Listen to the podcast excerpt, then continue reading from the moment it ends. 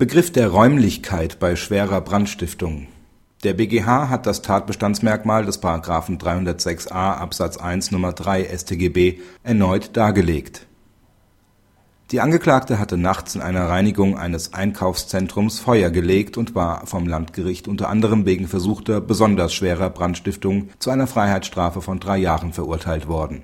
Die hiergegen gerichtete Sachrüge hatte Erfolg der BgH rügt, dass das Tatgericht keine ausreichenden Feststellungen hinsichtlich der Voraussetzungen des § 306a Absatz 1 Nr. 3 StGB getroffen hat. Denn in der Reinigung pflegen sich zur Nachtzeit keine Menschen aufzuhalten.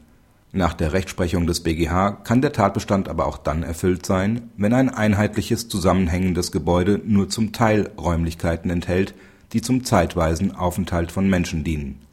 Ausschlaggebend für die Beurteilung als einheitlich ist allein die bauliche Beschaffenheit des Gebäudes. Ein bloßer Anbau oder eine räumliche Nähe genügen nicht, wohl aber, wenn zwischen den verschiedenen Gebäudeteilen eine Verbindung besteht, etwa in Form eines gemeinsamen Treppenhauses oder eines gemeinsamen Flurs.